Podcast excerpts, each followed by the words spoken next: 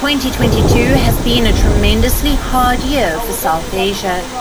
The region standing at the forefront of the climate crisis has witnessed extremes never seen before. Slow yet steady rise of global temperatures has increased frequency of extreme weather conditions across Asia. It is estimated that the climate change has led to a loss of over a million lives in the last five decades. Jadi bukan bukan. Ini bukan perasaanmu aja kalau cuaca ekstrim makin sering terjadi. Ini terjadi di berbagai belahan dunia. Tahun 2023 dibuka dengan badai dingin yang membekukan Amerika Serikat, Kanada, dan Jepang. Sementara Eropa mencatatkan rekor terpanas dalam sejarah. Lalu kita juga dikejutkan dengan fenomena tanah Arab yang gersang berubah menjadi hijau. Banyak yang bilang ini tanda-tanda kiamat sudah dekat. Tapi, Berdasarkan laporan panel antar pemerintah tentang perubahan iklim atau IPCC, dunia akan menghadapi berbagai bahaya iklim yang tidak terhindarkan selama dua dekade mendatang. Climate change Perubahan iklim.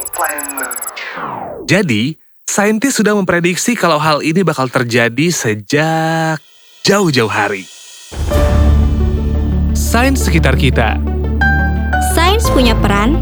dan penjelasan tentang hampir setiap hal dalam hidup kita. Produksi KBR, Dan The Conversation Indonesia. sains sekitar kita. Saya Cornelia Wendelina. Saya Muhammad Syarif, a.k.a. Acil. Jumpa lagi di Sains Sekitar Kita dan ini adalah season ketiga. Di season ini nih, kita bakal bahas banyak hal terkait sesuatu yang sebenarnya udah deket sama keseharian kita, tapi kadang kerasa jauh, menggantung di atas langit dan terkesan sulit dipahami. Namanya perubahan iklim. Mungkin lebih tepatnya kita nggak tahu ya harus gimana menyikapinya. Soal kan kita semua bisa jadi pelaku tanpa Hmm. disadari, tapi korban juga. Hmm. Sebut aja nih bencana-bencana akibat perubahan iklim itu. Kita bisa jadi berkontribusi karena gaya hidup kita mendorong atau memperparah kerusakan lingkungan. Hmm. Lalu kita juga nih yang terdampak. Kayaknya nih ya, kalau menurut aku, kebanyakan dari kita nggak tahu harus gimana menyikapinya. Gimana sih harus ambil peran untuk mencegah, bener nggak? Ah iya sih, meski pertemuan-pertemuan di tingkat global udah cukup sering dilakukan, bahkan khusus untuk pertemuan bahas iklim ini aja tuh udah sampai 27 kali loh. Rasanya emang seperti gak ada perubahan signifikan ya, atau ini perasaanku aja kali ya. Hmm, perasaanku juga sama kok.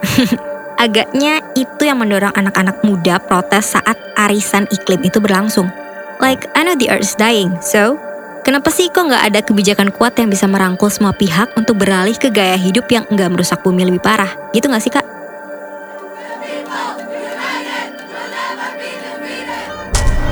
Aktivis perubahan iklim di Swedia menggelar protes ketika KTT iklim COP27 berlangsung di Mesir.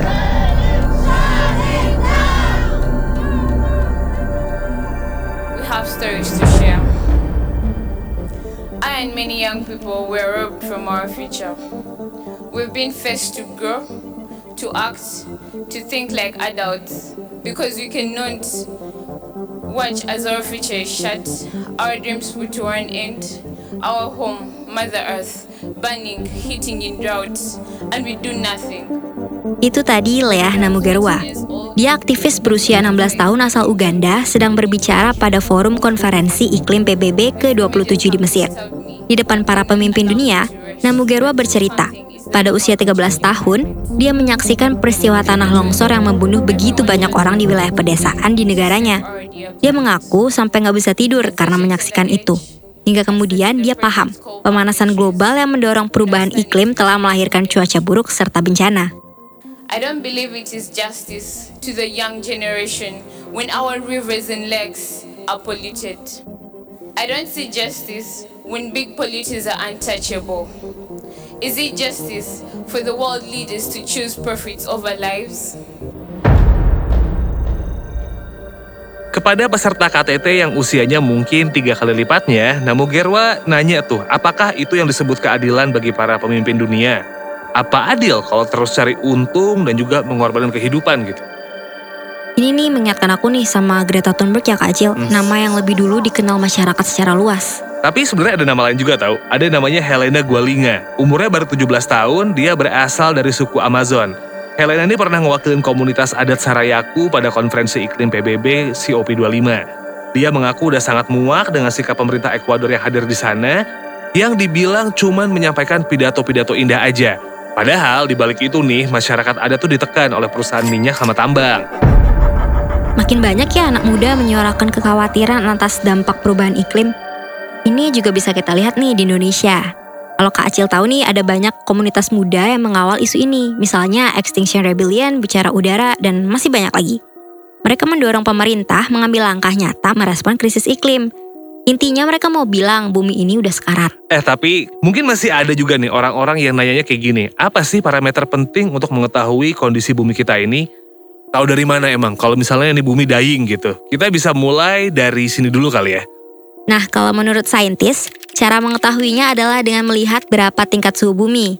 Yang diukur itu adalah suhu permukaan bumi di daratan dan juga lautan. Kalau kita ibaratkan nih Kak Acil, itu kayak mengukur orang sakit nih. Hmm. Diukur dulu nih suhunya, demam nggak? Terus diambil deh tuh langkah-langkah supaya nggak makin demam. Kalau suhu bumi sendiri tuh gimana ya? Nah, Stanislaus Risadi Apresian, seorang dosen hubungan internasional di Universitas Katolik Parayangan dan mahasiswa doktoral di University of Leeds coba menjelaskan soal ini. situasinya bumi ini terus memanas ya. Dan sampai sekarang itu kalau tidak salah bumi sudah memanas lebih panas 1,1 derajat dari dibandingkan zaman pra-industrial atau tahun 1850 sampai 1900. Jadi kita menuju bumi yang semakin memanas dan menurut lembaga iklim PBB itu kita menahan laju bumi tidak lebih dari satu setengah derajat dan sekarang itu sudah 1,1 bahkan lebih. Yang disampaikan Stanislaus Risadi ini tercantum dalam dokumen yang dikenal dengan nama Ringkasan untuk Pembuat Kebijakan, disusun oleh panel antar pemerintah untuk perubahan iklim atau IPCC. Di sana tuh kecatat, suhu permukaan global diketahui melampaui 1 derajat Celcius lebih tinggi dalam rentang 10 tahun, antara 2011 sampai 2020 dibandingin sama 1850 sampai dengan 1900. Pemicunya apalagi kalau bukan aktivitas manusia. Nah, ketika suhu bumi itu panas lebih dari satu setengah, tentunya dampak iklim akan semakin banyak lagi, bencana alam semakin sering. Nah, anak muda ini yang akan menghadapi bencana iklim ini nantinya di masa akan datang. Dan mereka akan hidup di masa-masa sulit itu. Tentunya anak muda punya kepentingan lebih banyak karena ini menyangkut masa depan mereka. Demi apa coba? Pas aku lahir bumi udah sakit. Ih, nggak adil deh. Nah, itu kan protesmu nih Cornel ya. Itu pun juga yang dirasain sebenarnya sama Greta dan juga banyak anak muda lainnya, termasuk di Indonesia. Mereka nih menuntut para pemimpin dunia untuk mengubah segala kebijakannya, menjadi lebih pro pada lingkungan lah intinya. Nah, motivasinya juga jelas banget. Mereka tuh nggak pengen suhu bumi makin panas sebab taruhannya satu, masa depan mereka. Jelas sih. Dan kalau melihat data Badan Dana Darurat Anak PBB UNICEF, anak-anak yang bakal terkena dampak perubahan iklim itu diperkirakan mencapai 1 miliar atau hampir setengah dari total anak 2,2 miliar di seluruh dunia. Riset yang dilakukan UNICEF tahun 2021 ini adalah kali pertama yang menyoroti dampak perubahan iklim bagi anak. Dan kalian tahu, Indonesia berada dalam peringkat ke-46 dari 50 negara dengan risiko tinggi terdampak perubahan iklim dan kerusakan lingkungan. Actually Cornel, kita sebenarnya bisa ngerasain dampaknya dalam keseharian tahu. Coba deh, dari yang paling simpel aja deh. Apa nih dampak yang kamu rasakan sebagai anak muda akibat krisis iklim yang terjadi saat ini? Hmm, sebenarnya banyak ya Kak Acil. Sederhananya aja nih, tapi cukup bikin aku khawatir ya. Cuaca ekstrim dan bencana nih makin sering terjadi nggak sih? Hmm. Praktis ruang gerak kita jadi terbatas tuh. Susah mobile, apalagi hangout ya, aku suka hangout. Hmm. Santai-santai lagi. Bukan nggak mungkin tempat-tempat yang asik buat healing itu jadi terancam hilang. Setuju banget. Aku nih orangnya kan suka banget diving ya, Hmm. menyelam di internet enggak, tapi ini menyelam di laut gitu. Yang apa ya? Kalau misalnya iklim itu rusak, itu bakal menyebabkan pemutihan atau bleaching pada terumbu karang. Jadi LIPI atau Lembaga Ilmu Pengetahuan Indonesia itu sempat nyebutin kalau pemutihan karang bisa ngebuat 80 sampai 90% terumbu karang mati. Nah, bayangin nih kalau terumbu karangnya mati gitu ya. Kita kan nggak bisa lagi ya nikmatin laut gitu. Kalau diving atau snorkeling yang dilihat cuma laut hampa, itu sih bukan healing namanya. Nah, pertanyaannya nih Kak Acil. Meski awareness anak muda mulai naik dan mereka protes akibat merasakan dampak ini, plus khawatir ya, sebetulnya akan masa depan itu gimana sih? Apa suara-suara mereka ini cukup ya mendorong perubahan? Kalau bilang cukup mungkin belum ya karena memang kalau dilihat dari pertemuan di COP 26 kemudian di COP 27 itu belum ada perubahan signifikan yang yang dapat kita rasakan. Misalnya di COP26 itu ada semacam kemunduran begitu ya. Karena seharusnya itu pemimpin dunia itu harusnya sepakat untuk phase out atau menghentikan ketergantungan terhadap batu bara, tetapi malah hasil keputusannya itu hanya pace down atau hanya mengurangi seperti itu. Dan isu itu di COP 27 di Mesir itu masih sama saja, tidak ada upaya untuk kapan kita lepas dari ketergantungan terhadap batu bara itu masih belum jelas karena para pemimpin dunia sepakatnya itu pacing down, jadi hanya mengurangi. Dan sama seperti Indonesia juga sampai 2050 juga kita akan masih pakai batu bara. Kalau melihat dari dokumen yang disubmit ke PBB ya. Iya sih, faktanya kita masih bergantung banget sama batu bara. Kementerian Energi dan juga Sumber Daya Mineral bahkan memasang target produksi batu bara hampir 700 juta ton tahun ini. Angka ini meningkat dari target 2020 yang sebesar 663 juta ton, alasannya permintaan domestik semakin meningkat. Dan kalau ditanya untuk kebutuhan apa, nah 80% pemanfaatan batu bara ini ternyata untuk memasok kebutuhan pembangkit listrik.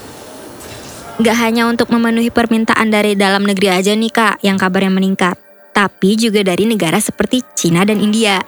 Cina baru saja relaksasi kebijakan COVID-19 kan ya. Jadi mereka bakal mengebut pertumbuhan ekonomi nih. India ya sama nih kayak kita.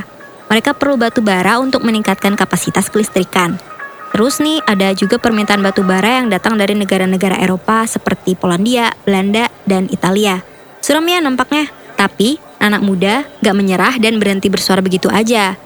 Stanislaus Risadi Apresian cukup sering bikin riset dan tulisan terkait global environment politics dan international politik ekonomi tuh.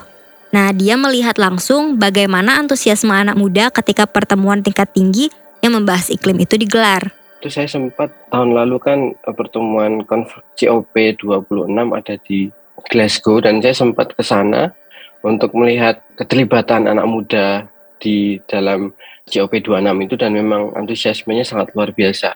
Jadi mereka melakukan climate strike ketika para pemimpin dunia berkumpul di sana.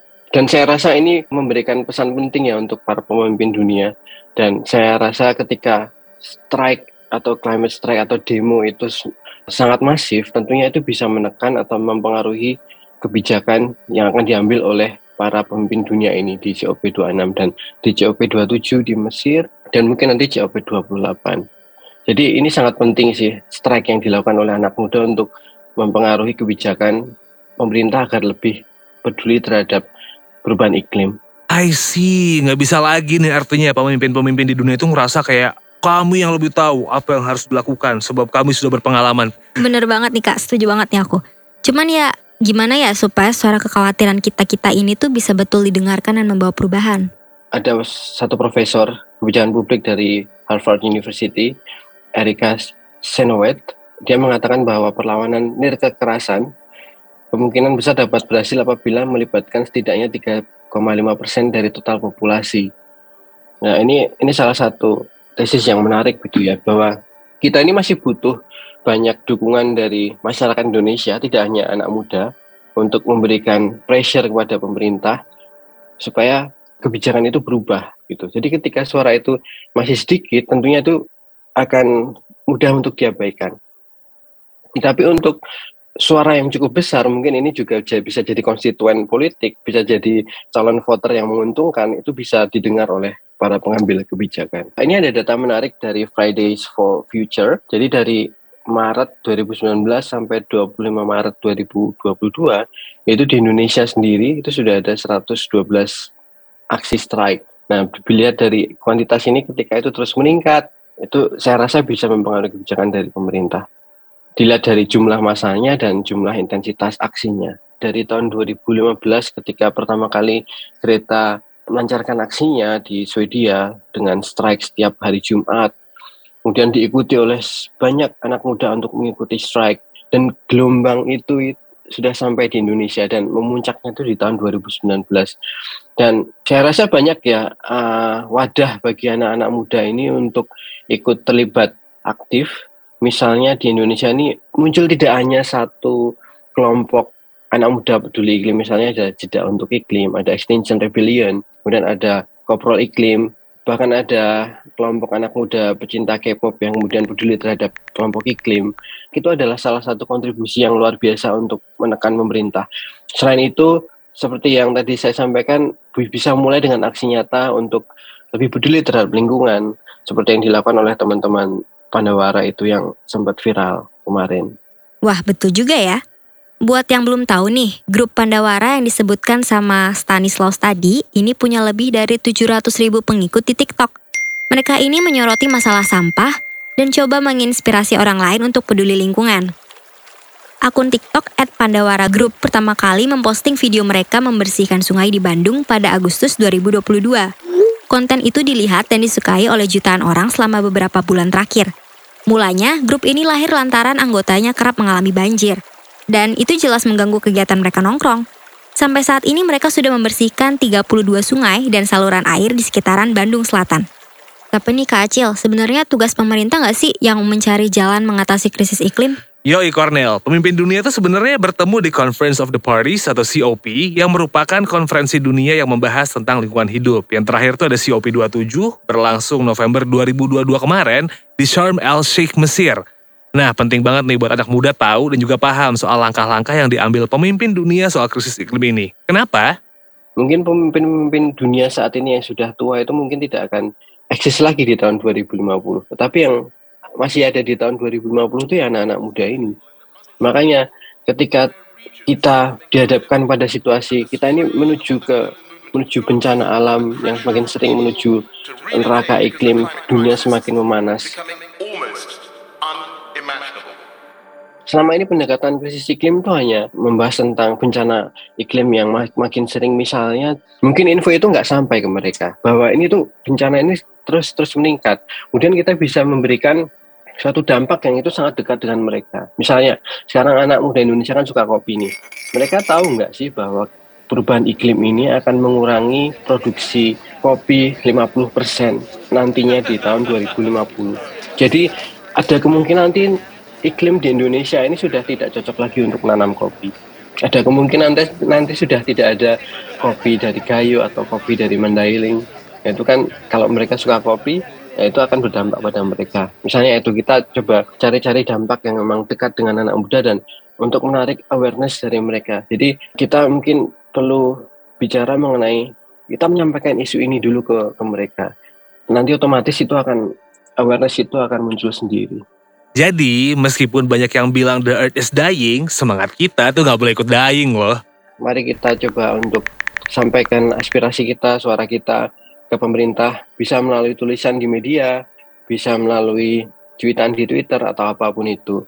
Dan kita harus selalu update ya dengan kebijakan pemerintah karena apa pun yang dilakukan pemerintah, apa pun kebijakan yang diproduksi oleh pemerintah, yang dibuat oleh pemerintah, itu akan mempengaruhi kehidupan. Kita ketemu lagi di episode berikutnya Sains Sekitar Kita. Kita bakal bahas hal yang gak kalah seru soal bagaimana krisis iklim ini ternyata bakal menggerus isi dompet kita. Tunggu infonya di akun Instagram KBR Prime dan kbr.id. Saya Cornelia. Saya Muhammad Syarif aka Acil, terima kasih udah dengerin dan kalau misalnya emang kamu pengen ngasih saran dan juga komentar, sampaikan aja melalui podcast at kbrprime.id. Bye. Bye.